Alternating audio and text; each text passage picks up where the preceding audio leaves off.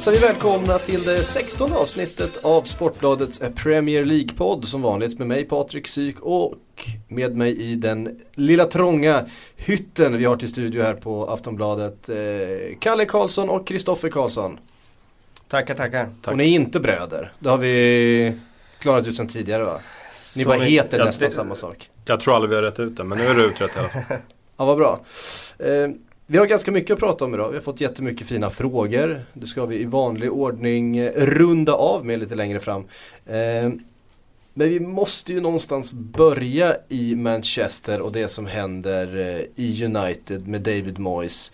Det kom rapporter idag från The Guardian, trovärdiga The Guardian. Att han nu faktiskt har tappat omklädningsrummet, att spelarna är tveksamma till att det är David Moyes som ska kunna vända det här skeppet. Och man är också tveksamma till att han gjorde sig av med hela teamet som ju faktiskt var de som i själva verket, det snackas ju ganska mycket om att Ferguson inte hade så mycket med eh, träningar och, och förberedelser att göra den sista tiden i klubben utan det var det teamet han hade byggt, byggt upp som låg eh, till grund för framgången under förra säsongen. Det teamet bytte ju David Moyes ut helt och hållet när han klev in eh, Eh, inför den här säsongen då ersatte med sitt eget team. Och, och det här ska då kritiserats från spelarhåll. Vad säger ni? Eh, det börjar eh, svaja ordentligt. Eller det började, det har ju svajat rätt länge men, men eh, nu börjar spelarna knorra också. Nej men alltså det är ju så här. Börjar resultaten gå emot, det är då det som har pyrt under ytan, det är då det kommer upp och det är då det blir stora problem av det. Eh, hade resultaten gått eh, Uniteds väg, då hade ingen klagat över att eh, David Moyes hade bytt ut coachingteamet. Kan inte se det.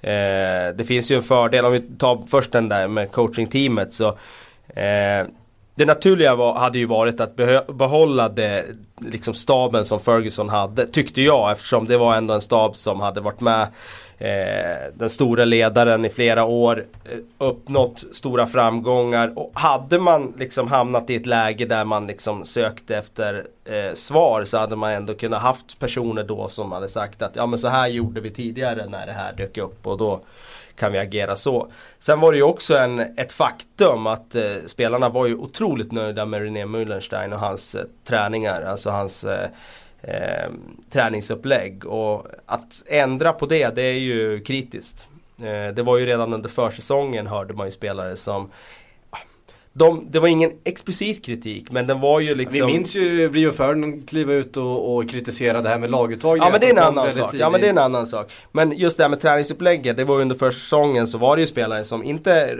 rakt ut men de antydde liksom att de var inte helt nöjda med att de hade ändrat upplägget där.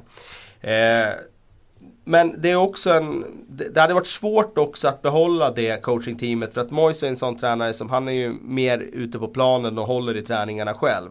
Och då att behålla René Möllerstein, jag vet inte hur diskussionen gick där mellan dem för de diskuterar ju ändå med varandra kring om man skulle vara kvar. Då om han, liksom Möllerstein såg att jag har ju ingen roll att fylla eftersom du själv ska vara nere på träningsplanen och hålla i övningarna. Så att eh, det kanske inte är så enkelt som det ser ut från utsidan. Men eh, med facit i hand så är det ju klart att det där med att byta ut coachingteamet idag ser ut att vara ett stort misstag.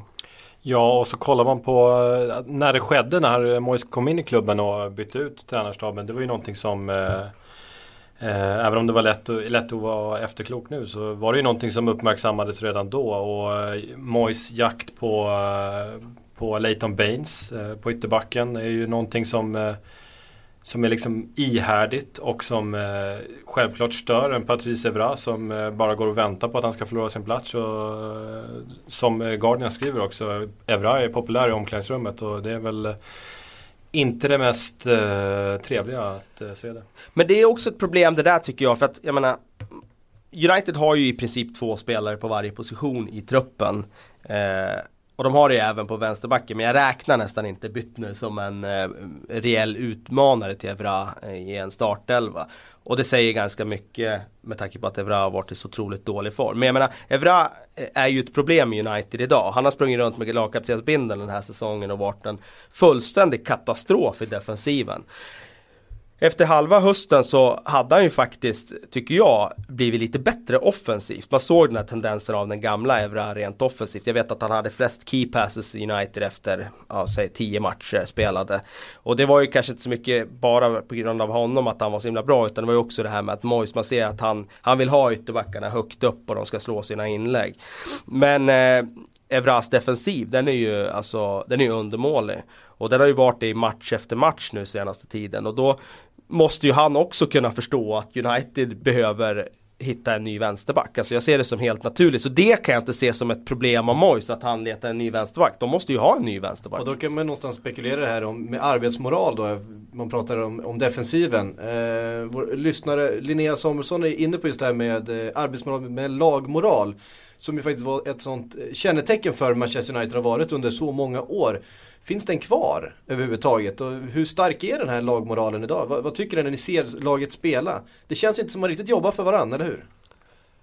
Nej, det gör det inte och det återigen alltså hade Mois fått den här snöbollen i rätt rullning så den liksom rullar på från starten Då tror jag absolut att han hade hamnat i den här goda cirkeln där Spelarna hade köpt hans idéer Och de hade köpt om han hade sagt till en ytter att idag ska du bara tänka defensivt för att vi behöver det just idag eh, Men när det går emot och liksom, då, då blir det den här liksom, formen av att spelarna liksom börjar tvivla på managerns idéer. Och där tycker jag vi har hamnat nu och det är ju en stor fara för vilken klubb som helst. Och det har gått fort. Och när vi snackar Evra och hans defensiva kollaps den här säsongen så tycker jag det handlar inte bara om arbetsmoral. Det handlar om rena hjärnsläpp i defensiven. Eh, han kan, han kan vara med jättebra i situationer men sen bara frysa i två sekunder och så är han helt borta. Det. Sen vill jag ju försvara Mois på ett sätt och det är ju det här som vi i och för sig flaggade för i höstas också rätt tidigt att truppen är inte så bra som eh, man har anat, eller som många har trott tidigare. De vann ligan med många poäng i fjol, var 11 poäng eller något sånt där. Eh, men så bra var inte den här truppen och många spelare är ålderstigna. Jag menar en sån som Rio Ferdinand, han är född 78, han fyller 36 i år. Alltså, han... Eh... En Ryan Giggs kan ju knappast förväntas göra... Nej, och jag menar Ryan Giggs, han har ju... De senaste åren så har han blixtrat till i några matcher och så då skriver liksom hit och dit folk om att ja men han har gjort han är så bra liksom, det är fantastiskt att han kan vara så bra och det är det ju. Men det, det, gör att kanske allmänheten som inte ser eh, vecka efter vecka tror att det går att bygga laget på den typen av spelare. Men det gör det inte utan han är inte bra liksom över tid utan han har ju varit bra i små korta perioder de senaste 3-4 åren. Nemanja Vidic fyller 33 den här säsongen, är inte den gamla Vidic och det snackas nu om att han inte vill förlänga kontraktet. Liksom de, de har hamnat i en ond cirkel med många äldre spelare, en ålderstigen trupp. Vi har ju fått väldigt många eh, frågor förstås angående United och vi har fått en fråga, eh, nu har jag tappat bort namnet på eh, han som har ställt frågan här, jag ber om ursäkt för det. Vi, vi, vi åter, åtgärdar det här i nästa vecka. Men just en fråga om Johnny Evans och hans eh, position. Har han, har han utvecklats till den här backen, den här stabila jag tycker att han har varit den bästa försvararen i United den här säsongen. Han hade ju en eh, riktigt stark period för två år sedan. Där jag tyckte att han utvecklades eh, enormt mycket och klev fram som en riktig försvarsgeneral. Eh, Men den här säsongen så en av få som, som kommer undan med heden i behåll i de bakre leden, det är ju Evans faktiskt. Mm. Och sen när man, eh, när man eh, dömer ut eh, United så här efter tre raka förluster så är det lätt att glömma att de hade faktiskt en liten run på gång där innan förlusten eller de här tre förlusterna så eh, Problemet är ju att eh, både Wayne Rooney och van Persie är borta och då är man helt urslag. Då är, då är, vi snackar om svaga trupper men med de två borta då har du en riktigt usel trupp. Eh, och få tillbaka dem, komma in i en vinnande eh, run igen så, så, så skrivs det inte lika mycket som det gör idag. Vi har som sagt fått väldigt mycket frågor på just United och vi har fått en här från Niklas Bernt och han skriver så här om nu Mois gör ett dåligt jobb, vem skulle göra ett bättre jobb och hur skulle det se ut? Och det är ju någonstans knäckfrågan om man ska kritisera Mois, då får man ju på, någonstans komma på någonting bättre själv då. Vad finns det för alternativ? De växer ju inte på trän. Alltså om de skulle, säga att de skulle missa fjärdeplatsen, sparka Mois i sommar Eh, då kan jag inte se någonting annat än att de måste gå på ett alltså, stort namn. Mm. Nu valde de att gå på ett annat typ av spår, alltså liksom ja, det här kontinuitetsspåret. En tränare som har stannat länge i Everton och visat att han liksom någonstans är en klubbyggare, det som United har byggt på tidigare. Men nu, skulle de sparka honom nu då måste de ta ett riktigt stort namn och jag tänker liksom ett av de största tränarnamnen. Sen får det kanske bli en brygga över på nästa Eh, era där man kanske på nytt då satsar på en ny ung lovande manager som kanske, ja vem vet, Roberto Martinez eller någon sån i en framtid. Det vet man ju inte. Mm. Nej det hade ju blivit eh, så här i efterhand nu igen. Hade man valt Mourinho i somras eh, istället för Moyes eh, så, så hade det ju sett annorlunda ut idag. Och jag vet inte om inte eh, Ole Gunnar Solskär gör ett par bra matcher här med Cardiff under, eh, under våren. Om inte han eh, kan bli aktuell på något sätt. Precis, Lukas Strömgren ställde ju precis den här frågan. Och det får bli en liten eh, segway över till nästa ämne. För vi ska ju prata förstås eh, Cardiff och Ole Gunnar som när vi spelade in förra veckan eh, var precis i tagen till att sätta penna mot papper och skriva på där. Eh, det var inte helt klart när vi spelade in, det blev helt klart senare den kvällen. Eh, nu har det gått en vecka, Lukas skriver så här, vad tror ni om Solskär till United om Moyes, om Moyes får gå efter säsongen? Precis som du var inne på, men eh, kanske inte ett tillräckligt stort namn och kanske behöver mer än en halv säsong i Premier League för eh, man får axla den manteln. Han har ju någonstans ändå gjort en, eh, vad ska jag säga, en klok eh, upptrappning av sin tränargärning. Han började liksom i Uniteds reservlag, fick lära sig under den staben som var där med Ferguson i spetsen. Tog det där steget till Norge, gjorde sina år där i Molde.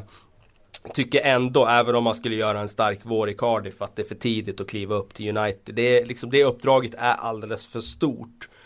Och det är ju det vi har sett nu med David Moyes. Alltså, och skulle de hamna i den situationen i sommar att de hamnar i ett läge att de har missat fjärdeplatsen, så sparkar Moyes. Det är ju så otroligt viktigt då att eh, det blir rätt. Och jag ser nog Solskär som kanske ett tränarnamn på, på sikt snarare än att kliva in i sommar redan. Conte är ett namn som skulle kunna kliva in eh, på väg bort från Juventus. Så. Där, där snackar vi större namn. Eh, och angående Solskär i Cardiff. Eh, han har ett problem som jag ser det och det är att han eh, Han har en agentkompis som han eh, plock, har plockat in alla sina spelare i eh, när han var i Molde. Han, eh, han har ett väldigt tydligt agentsamarbete på det sättet. Att han, eh, han plockar de här spelarna som tillhör den agenten. Eh, och det fungerar i Molde. Och det verkar han göra nu i Cardiff också. Jag såg att han tog Eikrem nu mm. direkt. Mm. Och det verkar han göra i Cardiff nu också. Det är ju ett kontaktnät som inte kommer hålla om man är i Manchester United om vi säger så. För det är uteslutande norska spelare på den listan. Ja, vi har sett norska framgångar i, i eh, Premier League förut förstås. Kanske blir det en ny, en ny norsk vår med eh, Ole Gunnar Solskär i spetsen. Henning Berg, Ronny Jonsson och jag kanske tar in dem i coachstaben. Precis. Det är inte utan att man blir lite, lite avundsjuk på de norska Premier League-älskarna som eh, får in en eh, norsk tränare i ligan som älskar norska spelare. Det blir ju lite grann av en eh, norsk invasion i Premier League nu när Solskär är Ja, Solskär som har sin första ligamatch till helgen vann ju sin första match. Det var då i eh, FA-cupen eh, mot Newcastle väldigt meriterande seger för ett, för ett Cardiff som eh, gått i alla fall en resultatmässig kräftgång eh, inför den helgen. Har ju, hade ju egentligen spelat ganska hyfsat, eh, inte minst mot Arsenal då i veckan innan där man höll nollan i 88 minuter innan den danske besten Niklas Bentner slog till. Vi ska ju säga där också att Newcastle Pardew, han vilar ju faktiskt eh, fyra av sina bästa spelare där med Caballo och Colaccini och de där.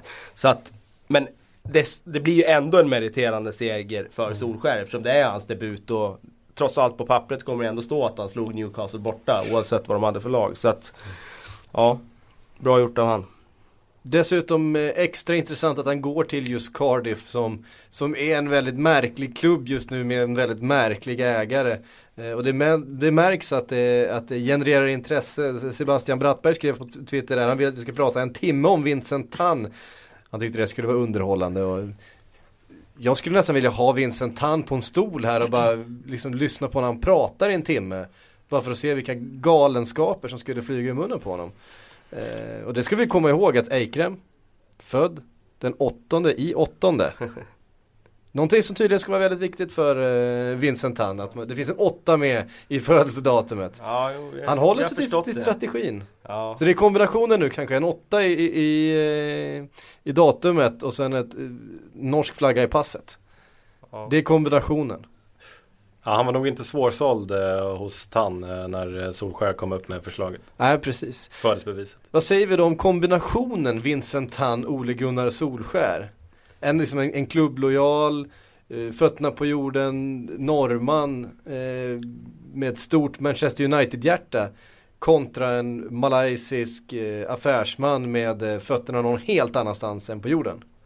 Ja, alltså jag, jag blev otroligt förvånad över att Solskär antog den här rollen. För att hans eh, landsman då, Fjörtoft, har ju pratat liksom om vad han ska välja för typ av klubb. Och han sa, välj, och även Sir Alex som är lite av en mentor för Solskär har sagt, ja men välj klubb med en bra ägare. Det är liksom nummer ett, det är första prio. Och så tar han det här. Och för mig så, så var det helt eh, orimligt att han skulle hoppa på det här tåget med tanke på hur stökigt det var. Men samtidigt så, jag menar, han har inte så mycket att förlora nu. Han kommer in i Premier League-cirkusen och även om han skulle åka ur nu med Cardiff så kommer han ändå kunna peka på att ja, men det var så stormigt under Vincent Tan. Det var liksom det som påverkade att vi åkte ur. Ja, jag, jag kan inte klandra honom. Och än en gång när vi tittar tillbaka på Molde så är det en klubb som ägs av eh, två herrar som var med och flytta Wimbledon eh, och gjorde MK Dons. Så det är ju de ägarna är ju inte skrupelfria uppe i Norge heller så eh, att, han, att han väljer Cardiff limmar ju egentligen ganska bra med sin historia som tränare. Så jag, eh, jag blev inte lika förvånad. Ja, Vincent Tan i all ära, men han har ändå inte flyttat på laget till ett helt annat ställe, bytt namn och han har, bara bytt, han har ändå bara bytt, bytt färg på tröjorna. Och, och, Vä- vänta ett år, ge han ett år så vet man aldrig. vad har han för framtidsutsikter i den här klubben då? Eh, Kommer de hänga kvar? Kommer han få en budget att, att eh, bygga ett lag för? Ehm, om de hänger kvar är ju väldigt svårt att säga. Det, det känns som det finns ganska många där nere i botten som är tillräckligt dåliga för att åka ur i år faktiskt. Det är ju faktiskt sanningen. Eh, oklart hur mycket pengar han får att handla för. Det snackas ju om en del liksom att han ska ha en, en säck pengar. Samtidigt så har ju Vincent Tan varit väldigt missnöjd med hur Ian Moody och Mackay spenderade i somras och de påstås då ha över liksom betalat för en viss, eh, vissa spelare. Så att han kanske inte är så sugen på att spendera en massa mer ändå. Nej, det är det som är farhågan lite grann för Solskär. Att de spenderade så pass mycket som de gjorde i somras. De spenderade tredje mest i Premier League. Och eh, när Mackay får sparken då är det, då är det kanske förståeligt ganska upprörda scener på Twitter. Inte minst eh, folk som är förbannade på, på Tan för att han sparkar eh, Mackay. Men här måste jag faktiskt dra en liten lans för eh, Tan. Med de pengar han spenderade i somras och eh, den utdelning eh, de värvningarna har gett så eh, har han all rätt att vara missnöjd med, med, med, med Moody och med Mackay. Så eh, att han sparkar honom är inte helt galet som alla ville eh, göra, göra det till. Han, eh, han gav dem en stor säck pengar. Alltså de spenderade inte mycket mindre än vad Manchester City gjorde eh, som spenderade mest. Och då, då kanske han tänker Herregud, jag har, liksom, jag har öppnat plånboken så brett man kan öppna plånboken här. Liksom, I jämförelse med klubbar som Liverpool, Chelsea, Arsenal och vad är det jag får? Inte, inte någonting. Nej men han blir ju satt under lupp för det han har gjort eh, tidigare med klubben. Alltså det här med klubbmärket och det där. Hade han inte gjort det där så hade inte den här tränarsparkningen framstått som, som den har gjort i, i, i medierna nu. Så är det. Ska vi röra oss vidare till en annan eh, tränare och en annan bottenklubb, nämligen West Ham. Eh, vi fick en lite rolig formulering utav Pontus Lindgren. Borde Big Fat Sam, han brukar ju bara kallas för Big Sam, eh, lämna eller stanna? Är det smart att vara den enda bottenklubben som eh, inte sparkar sin tränare? Alltså det finns ju två eh, sidor i det här. Eh, Sam Allardyce har ju egentligen aldrig varit speciellt populär eh, på Upton Park bland fansen med tanke på den fotbollsfilosofin han har. Och det har vi ju pratat om tidigare. Och det är klart att tittar man på deras resultat den här säsongen så ja, då ska han ju få sparken. Alltså det, han har haft otur med skador, eh, jätteotur med skador. Jag menar mittbacksidan nu när Collins, Tomkins och Reed var borta. De spelar med liksom ytterbackar i mittbacksposition. Jag menar det är katastrof för vilket lag som helst. Du kan göra samma sak med Manchester City eller med, eh, liksom Arsenal och det skulle bli problem för dem också. Det är så otroligt viktigt att ha sina mittbackar på plats. Men det där är ju ett problem också med hur man har planerat inför säsongen. Jag menar där sätter du ju din trupp och jag menar nu finns det sådana luckor i West Ham så att de står och faller med Andy Carroll som var skadad när säsongen började. Så de tvingas ta tillbaka Carlton Cole eh, som var kontraktslös. Och samma sak med mittbacksidan att ja, de har ju uppenbarligen inte liksom stärkt truppen tillräckligt på den fronten. Men med de resultaten så ska han ju såklart få gå. Men då är det ju det där att om man nu ska kriga för kontraktet här i vår. Är det någon tränare som man skulle vilja ha ombord då i ett sånt läge så är det ju faktiskt Sam Allardyce. Han har varit i den där situationen förr, han spelar ett enkelt spel som just kanske fram i vår, skiki bum time som det kallas. Eh, när det är tajta matcher och man kanske måste spela pragmatiskt. Ja då kanske hans fotboll kommer ge effekt. Så att eh, Ja, jag ska inte säga eh, att sparka Big Sam i det här läget är lösningen. Jag, lösningen är framförallt att få tillbaka de skadade spelarna. Då tror jag ju verkligen på liksom, att eh, resultaten kan bli bättre. Mm. Ja, det ska ju finnas eh, folk som är redo att kliva in också. Crystal Palace hade ju tur och ja, skicklighet också i den bemärkelsen att man lyckades plocka in Tony Pulis när man behövde tränare. Och det är ju det har ju gjort dem gott och eh, är någonting som talar för dem i bottenstriden. Eh, och sen så som Kalle är inne på skador i mittback, mittbackarna och eh, skador där fram. Andy Carroll är för sig på väg tillbaka. Men eh, han är ju ganska kaxig också i eh, kuppmötet med, med Nottingham när han ställer ut eh, det lag som han gjorde. Han ber ju i princip att eh, bli överkörd av Nottingham i det läget och det är ju jag vet inte om det är någon slags eh, statement att han nästan vill ha sparken i det här läget. Jag, eh, det, det, är svårt att tyda den laguppställningen och den eh, nästan förväntade överkörningen som det blev. Eh, och eh, nu sägs det ju att de eh, kommer att ha pengar att värva för i januari, vilket eh, kommer behövas. Eh, men då är frågan för klubben, ska man låta Allardyce eh, fortsätta över januari, låta honom välja sina spelare och fortsätta? Eller ska man sparka honom nu snarare än i februari och låta den här nya tränaren sätta sin prägel på laget inför våren som kommer? Det är, det är knivig fråga. Det är ju en, eh, en specialdesignad trupp för, för Allardyce typ av fotboll. Det går ju inte att kliva in och, och börja rulla trianglar med det här laget, eller hur? Nej, det är väldigt svårt. Och det där är ju såklart en sån där, ska man bygga om en trupp då ska du egentligen ha ett sommarfönster på det. Mm. Eh, det är ingenting du gör i januari. Nu handlar det om att släcka bränder och det är ju det de gör. Jag menar de tar in Roger Johnson på, på lån här liksom. Relegation Roger! Ja precis. Så, eh, han dansade en sommar i Birmingham där och sen har det tyvärr då gått väldigt eh, rejält utför för den gode Roger. Ja. Han, det var ju inte riktigt rättvist mot honom att få kliva in och spela borta mot City liksom, i första matchen. Det var bredvid George McCartney som är normalt är vänsterback. Det, ja, jag tyckte faktiskt synd om honom. Ja. Eh, nu har det pratats lite grann faktiskt om att man ska låna in Traoré. Eh, som ju spenderat den senaste tiden i Anchi. En eh, spännande. Nu ska vi inte komma in på silly eh, prat här. Det har vi en egen podd för. Kan vi passa på att flagga för den. Eh, nytt avsnitt igår, kommer nytt avsnitt i början på nästa vecka igen. Eh, så vi hänvisar väl alla egentligen eh, sillfrågor. Vi har fått jättemycket frågor om vilka klubbar som ska värva vilka spelare, vilka som är på gång, vad vi tror om vissa rykten. Eh, och vi, vi, fortsätter att hänvisa till Silly Season-podden här så försöker vi koncentrera oss på det som händer på planen i den här, eh, eller vi, till viss del utanför planen också förstås. Eh, men någonting som hände på planen som har blivit något av en rejäl snackis är ju Adam Lajana, säger det rätt KK?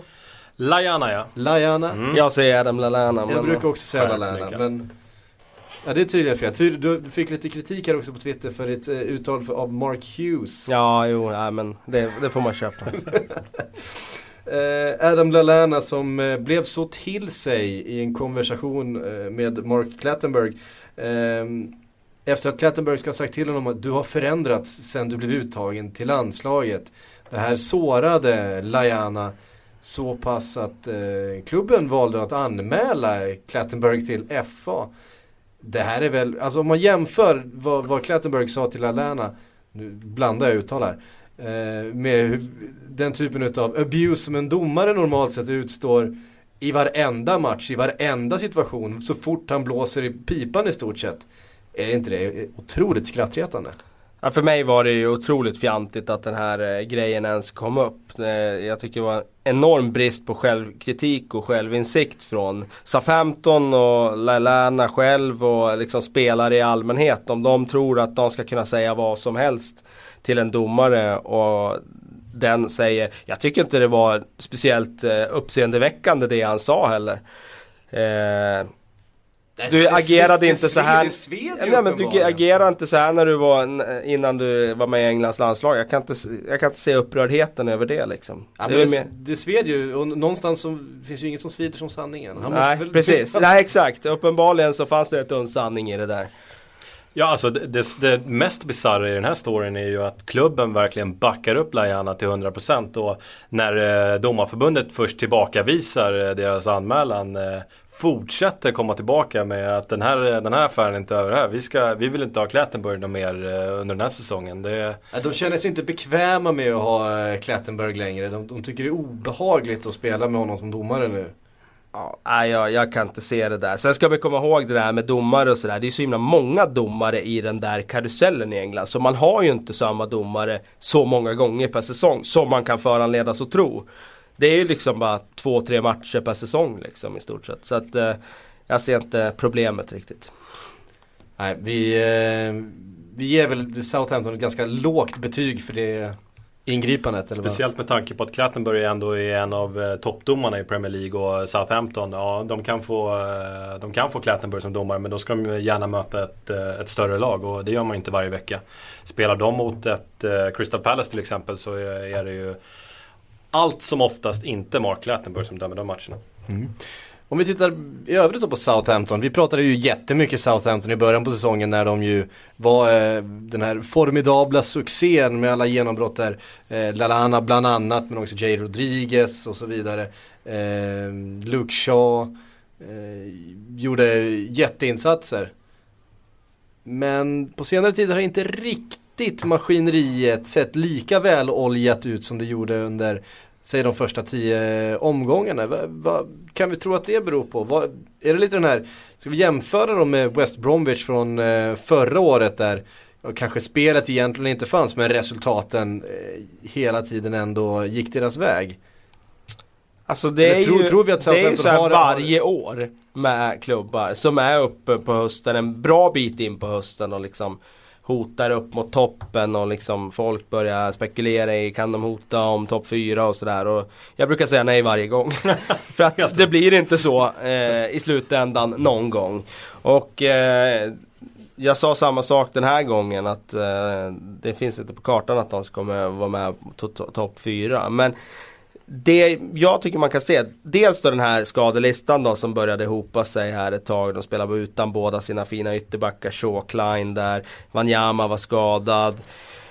Och så Boruc var skadad också. Eh, det, sen var väl var det Lovren eller Fonte var ju borta också och de spelar Hojfeldt i mitten där och det är ju eh, lika med katastrof. Det är lika med självmål. Ja, lika med självmål kan man säga.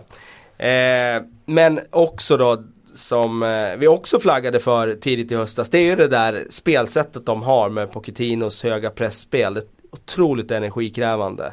Du kan göra det i, jättebra i tio matcher och du får folk att göra vågen eh, runt omkring och tycka att det är fantastiskt. Men under de där tio matcherna har du dränerats på så mycket energi. Så att du kommer inte kunna göra det över en hel säsong. Och kolla på Atletic Club vad som hände med dem under Marcelo Bielsa fantastisk eh, liksom period, eh, stora framgångar, applåder från hela Europa. Men det håller inte över tid. Så att ska du spela det där spelet så måste du vara otroligt eh, bra och du måste ha en stor trupp som orkar med det. Mm. Det som är positivt för eh, Southamptons del när du drar parallellen till West Bromwich är ju att West Bromwich succé hade ju oerhört mycket att göra med Romelu Lukaku som eh, öste in mål där under hösten. Eh, när du kollar på Southamptons lagbygge så är det ju deras egna spelare. Så eh, just när vi, när vi kollar på West, hur West Bromwich ser ut idag utan en Lukaku så, så ser, ser vi inte den framtiden för ett Southampton. Eh, det kommer inte försvinna någon hjälte sådär solklart som Lukaku gjorde efter låneperioden. Mm. Mycket skador eh, säger du Kalle. Du kommer in på ett ämne som jag tänkte vi skulle prata lite mer om idag. Eh, och det är att det är väldigt mycket skador just nu. Det känns som i stort sett alla lag utom och kanske de här två med extra breda trupper då, Manchester City och Chelsea, verkligen lider utav eh, det här tuffa spelschemat. Är det för tufft eller borde klubbarna värva bredare snarare än, alltså mer bredd, mindre topp? Eh, de kan ju inte värva hur mycket bredd som helst längre med tanke på de här quota-reglerna som infördes för 3-4 år sedan där, där man satte en gräns på att vi får bara anmäla 25 A-lagsspelare till Premier League-spel. Och det liksom satte ju vissa hinder för att ha eh, liksom hur bred trupp som helst. Jag tycker ju att det är lite för tufft eh, matchschema kring julhelgerna. Det är definitivt en del av Premier League. Eh, skärmen med Premier League med att den är igång medan andra ligor tar ledigt. Tycker absolut att man ska behålla Boxing Day och någon match till. Men nu kändes det lite väl mycket där när helgerna låg som de låg inför det. Och det blev liksom veckomatcher på det och det var liksom tre matcher på, på, på sex dagar där. Liksom. Det, var, det, var, det, var, för tight och det, det tror jag tyvärr då att vi kommer kanske att få se ja, resultat av dem. Mm. Med skador och vi har ju varit inne på vad ska, ska, spelare framme i mästerskap också. Ja, vad, vad, spel, vad, vad skadorna inneburit för ett Manchester United? Vad det inneburit för ett West Ham? Vi, tog upp det nu när vi pratade om Southampton. Vi kan lika gärna nämna Arsenal, vi kan nämna Liverpool, vi kan eh, nämna Tottenham, vi kan egentligen nämna alla lag i ligan just nu. Och vad det betydde för John Guidetti som fick sitta på bänken i två, tre matcher. Det fick han göra. Men det är fortfarande ingen speltid. Nej.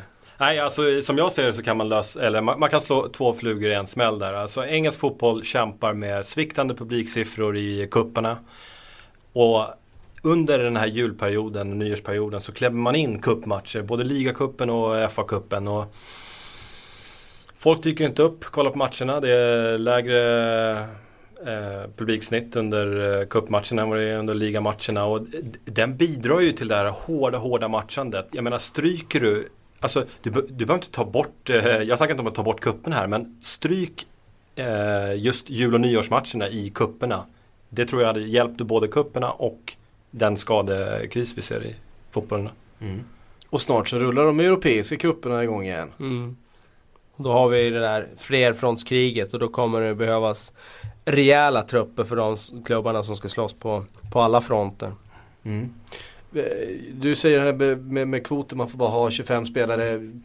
Borde man eh, se över den kanske? Borde man tillåta eh, lagen att, att anmäla fler seniorspelare? Det är ju en komplicerad fråga det där. Det finns som alltid för och nackdelar för, för båda grejerna. Det var ju ett problem att storklubbarna samlade på sig för många spelare. Och till slut så kan de ha liksom som Milan hade på 90-talet, liksom tre uppställningar. Och bra spelare som skulle kunna gjort nytta någon annanstans att längst ut på filten i B-laget. Så ska det ju inte fungera och det, det tjänar ju ingen på när det är så. Däremot så är det ju också ett problem att dels då med att truppen kan bli lite tunn men framförallt tycker jag också rent arbetsgivaransvaret. Alltså du kan värva en spelare som sen inte får eh, utöva sin profession. Alltså, du värvar en spelare som Crystal Palace gjorde med han som kom från Frankrike där. Och så kommer inte han med i Premier League-truppen. Så han får inte spela matcher. Alltså, du... Om du ser det som ett arbetsgivaransvar så du förminskar ju hans chanser att få ett nytt jobb avsevärt av den här regeln. Så att jag tycker väl inte att den är helt eh, klockren som den är utformad idag. Mm. Vi ska ta lite, jag tycker vi avsätter lite extra tid för uh, lyssnarfrågor då, för vi har fått väldigt mycket bra frågor också. Vi får alltid bra frågor, men vi har fått väldigt mycket frågor uh, just idag. Många som har saker de går där hemma och funderar på. Anton Jönsson undrar möjligheterna för en spelare som Pontus Jansson, eh, Malmö FFs försvarare, att slå sig in i en Premier League 11?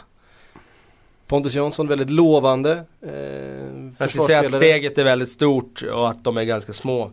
Eh, sen vet man ju inte i en framtid om man tar ett mellansteg någonstans mm. och liksom utvecklas därifrån. Men att han skulle gå rakt in i en Premier League-elva det är svårt att se. Mm. Eh. Han skulle gå in i West Hams eh, elva i nuläget ja, med tanke på att de spelar vänster, vänsterbackar i mittförsvaret. Men eh, eh, jag utgår ju då från att lagen har sina ordinarie elvor mm. tillgängliga. Ja han hade nog tätat upp lite grann mot Nottingham om jag, om jag får gissa. Pia Karlsson eh, skriver så här. Det är två poäng mellan Tottenham och Liverpool. Eh, Liverpool sägs göra en kanonsäsong och Tottenham en katastrofsäsong. Styr medierna, alltså vi, vår bild av verkligheten?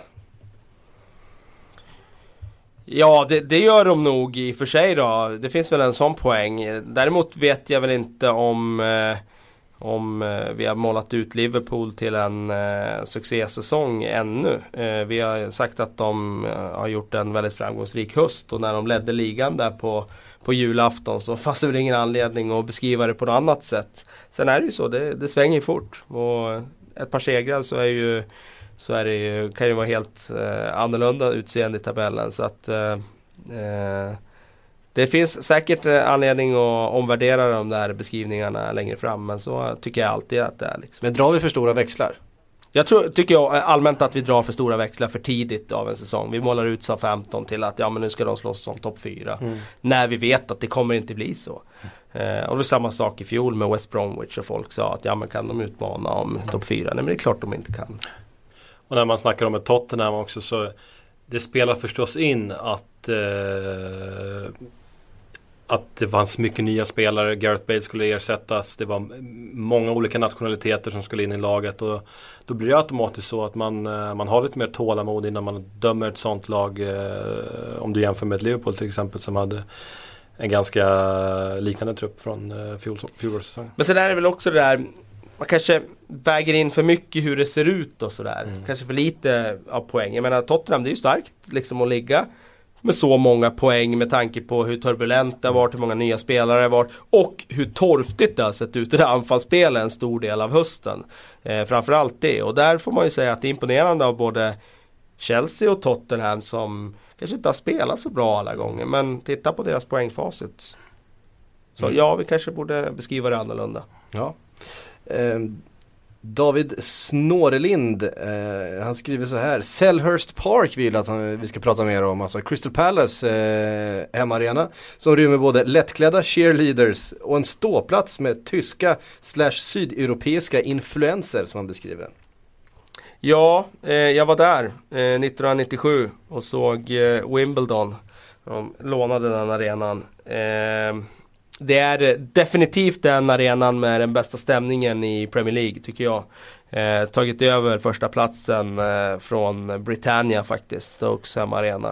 Eh, det är ju, den är ju ultrastyrd den där läktaren bakom det vänstra målet där. Och det har ju, får man ju säga då, kanske haft positiva effekter eh, på, på stämningen där. Det är en, en enormt tryck där.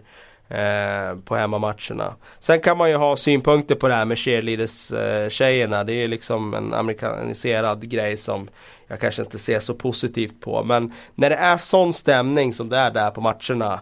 Eh, även i matcher där Crystal Palace har varit eh, liksom utspelat och sådär. Så då, då, då köper jag cheerleader-tjejerna. Det är inga problem för mig. Mm. Är det för lite sånt här i, i Premier League överhuvudtaget? Cheerleader-tjejer? Ja men eh, lite nya grepp.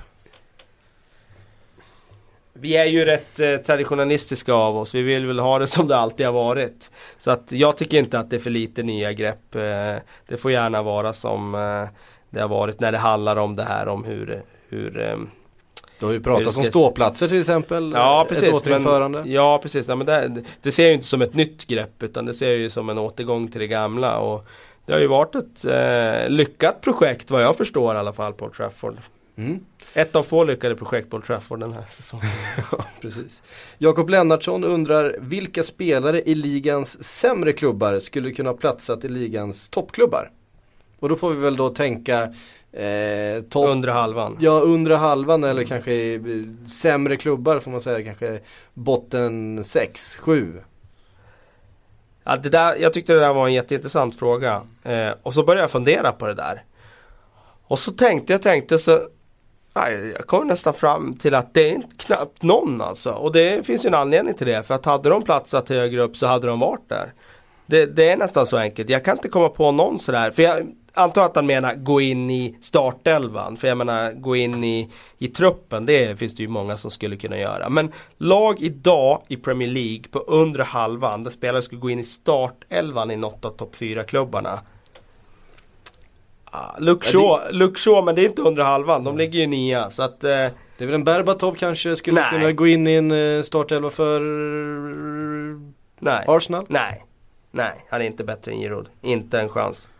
Eh, han är mer talangfull än många spelare i topp 4-lagen men han är inte, han, är- han är inte bättre eh, om du tittar på hela bilden än, eh, än någon av eh, strikersarna i, i, som startar för topp 4-lagen. Inte en chans. Är det här ett problem? Key på Uniteds mittfält. Ja, eh, i och för sig. Ja. Kia har varit väldigt bra. Eh, en passningsskicklig mittfältare som... Men han skulle ju spela i Carrick-rollen och jag skulle inte säga att han är bättre än Michael Carrick. Eh, så att... Det är klart att med tanke på hur fullkomligt uselt deras mittfält har varit den här hösten så är det klart att han, han skulle ha fått sina minuter där. Mm. Men om du tänker att Carrick är etta så skulle jag inte sätta Key bredvid honom. Då tror jag nog Fletcher gör mer nytta egentligen bredvid honom faktiskt. Det var det bästa jag kunde komma på. Ja, det, Och då är vi ganska långt ner då. då är vi rätt långt ner och Ja då är det ett ganska tydligt nej på den frågan. Det får vi väl säga ändå. Ja, det är Mitchuma. Han har inte varit så bra den här säsongen. Nej. Eh, det är intressant. Eh, Postobaldo, eller Kalle Olausson som han också kallar sig på Twitter. Eh, och förmodligen heter på riktigt. Eh, han undrar vem av Janusaj, Sterling och Gnabry tror vi kommer att gå längst? Janusaj, Sterling och Gnabry. Ja. Tre utropstecken. Eh, jag Den, tror, är, den, jag, den jag, var tuff. Ja, den är tuff. Jag tror att alla kommer att bli eh, väldigt bra. Jag tror att alla kommer att bli eh, bra etablerade Premier League-spelare.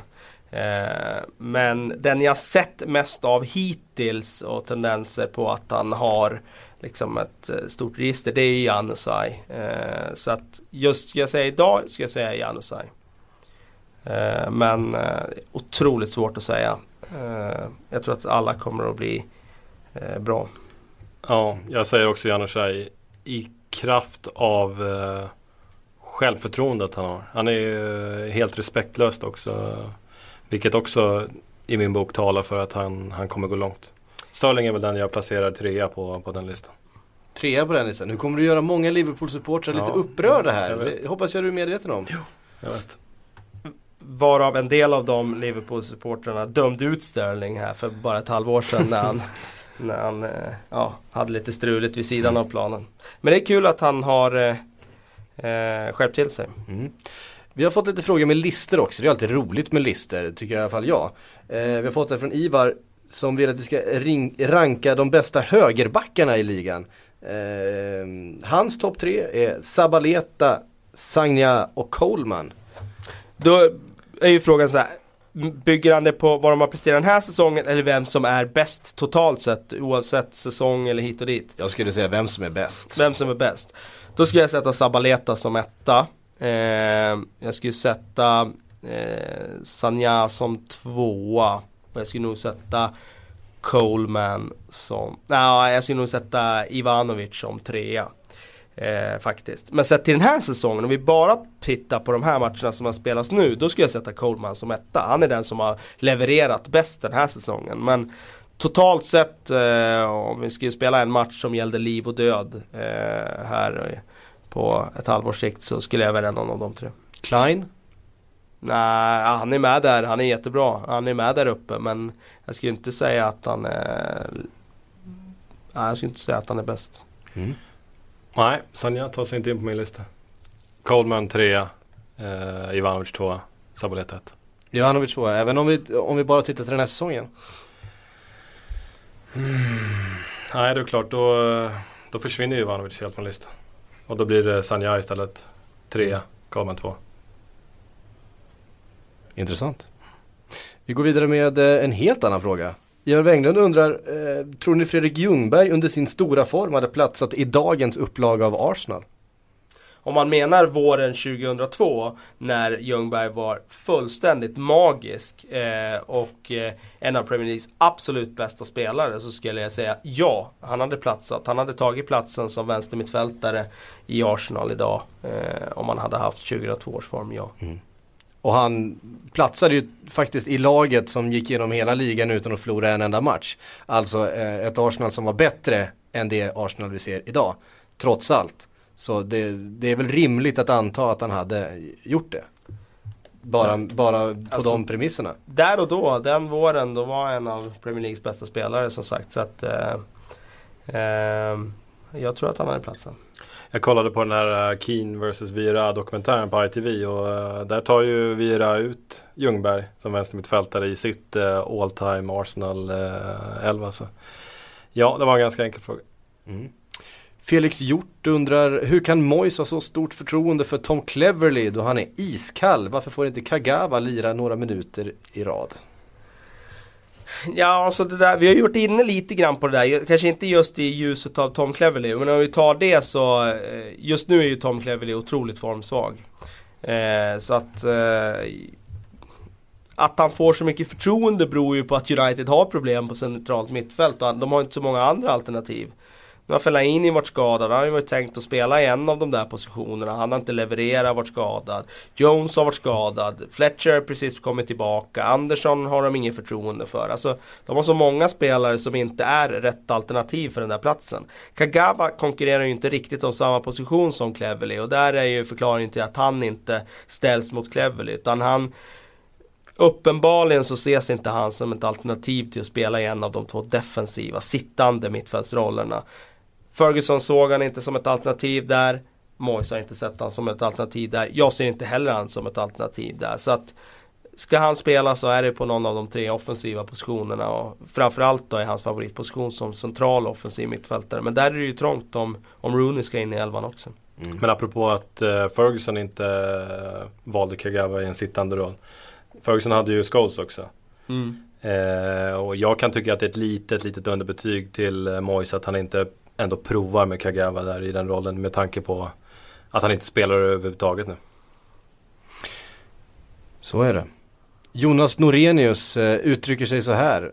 Från en kung till en annan. Igår skulle Elvis fyllt år och idag goda besked om skadan på Bentner. Som ju alltså inte var så allvarlig. Eh, Bentner som har vuxit till någon sorts nyckelfigur där bakom Giroud i, i avsaknaden av konkurrens förvisso. Men eh, det betyder ändå någonting för Arsenal att han eh, snart finns tillgänglig igen.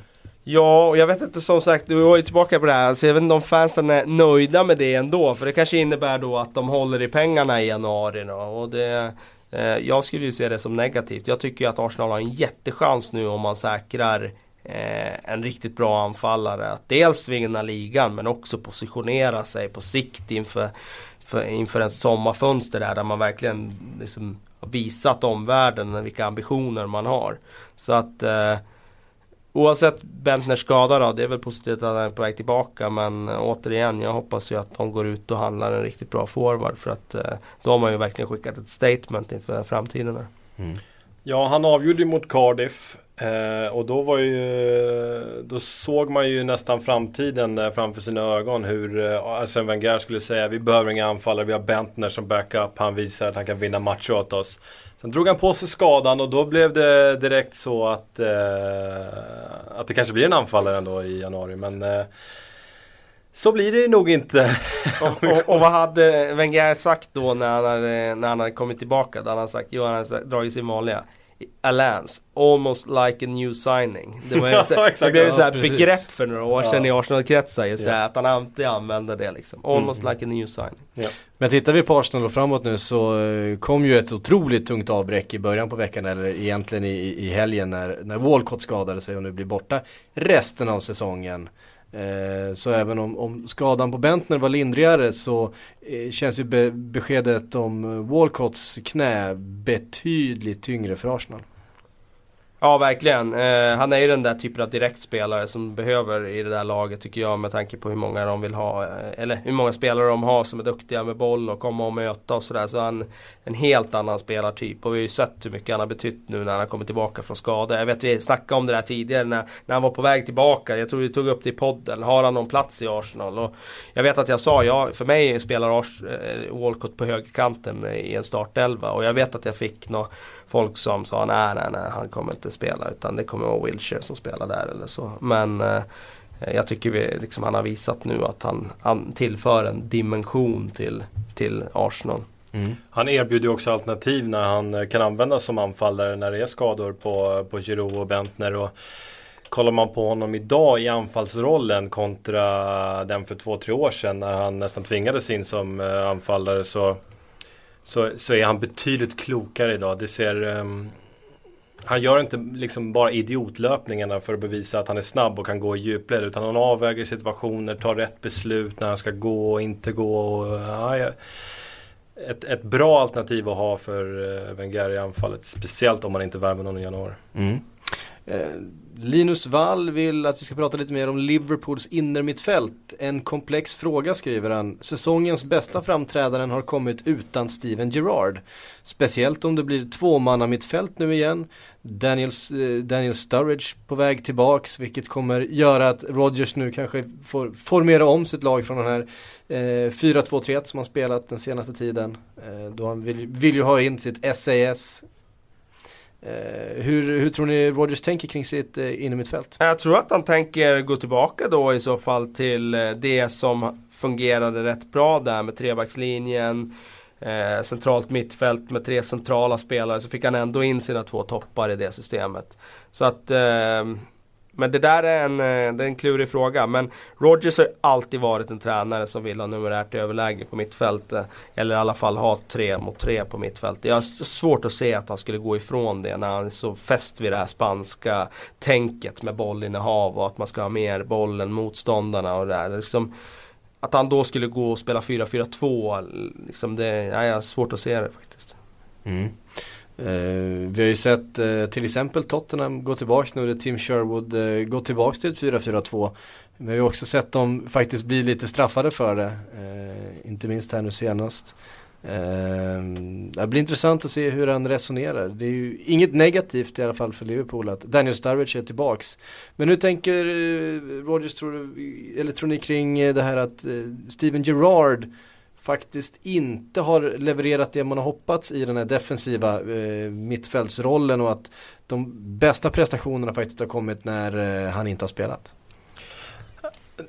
Det är ju Det är ju en spelare som inte ett, går att peta Nej, och det är onekligen ett litet problem för jag tycker man märker eh, när Gerard är borta att det går, det går undan det går jättesnabbt på mittfältet, det kombineras snabbt, det är one touch och det, det ställs om. Eh, och sen direkt när Gerard kommer tillbaka då, är det, då kämpar han för att hänga med i det tempo som lagkamraterna vill hålla. Så tycker man också ser det här lite av en, vet, när han spelar, lägger man över lite ansvar för han är fortfarande ändå Steven Gerrard, alltså ledaren, eh, kulturbäraren, ikonen mm. i Liverpool. Medans de här spelarna växer så mycket och när de får ta lite mer ansvar mm. när han inte är med. Så att det är, det är ett problem. Men eh, vi ska komma ihåg också Steven Gerrard, han fyller 34 år i år.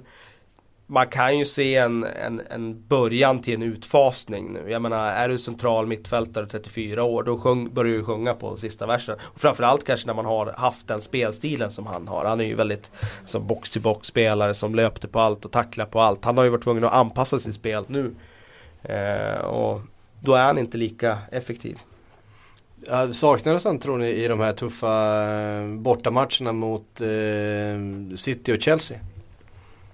Alltså jag, det enkla svaret är ju ja för att eh, eh, man vill ju alltid ha Steven Gerrard på plan någonstans. Men sen, sen kommer de här insatserna där man ser att Liverpool spelar så himla bra mm. ändå utan honom. Och då, då det, det är kanske så att man måste omvärdera den där grundhållningen mm. som man ändå alltid har. Mm. Ehm, Mark, vi, vi, vi, hinner med en fråga till. Marcus Nilsson, eh, han undrar när vi tror att Mourinhos Chelsea verkligen blommar ut och blir den vinnarmaskinen den en gång var. Eh, de är på ganska god väg, eller vad säger ni? Ja, jag tycker det är superimponerande av Mourinho. Hans lag har inte spelat speciellt bra under hösten men ändå med där i titelkampen. Och nu har han liksom ändå fått igång spelare som Hazard. Riktigt bra form på honom. William, en kurva som pekar uppåt. Jag tycker Oskar eh, har varit bra under stor del av hösten. Bra fortfarande. Jag tycker att eh, tyvärr då, eh, för min del eftersom jag inte har sett dem som en titelkandidat och kan få käka upp det så ser de ju mer och mer då ut som en eh, rejäl titelkandidat och verkligen en av favoriterna. Jag menar jag ser fler och fler som säger nu liksom att som svänger över på liksom att ja, men Chelsea ser riktigt, riktigt farliga ut för den här titeln.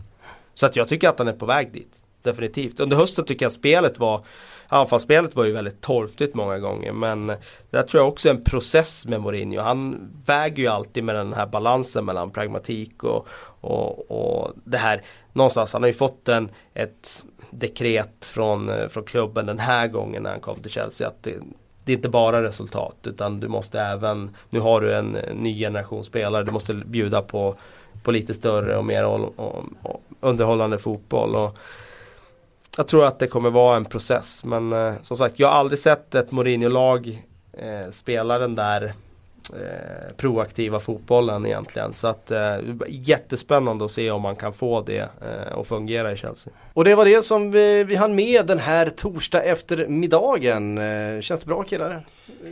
Det känns lite hostigt för egen del men Lite nu ska jag hem och kurera mig. En sista fråga till er bara. Vilken match eh, till helgen ser ni mest fram emot? Newcastle, Manchester City och eh, det oerhört ångestfyllda mötet mellan Cardiff och West Ham.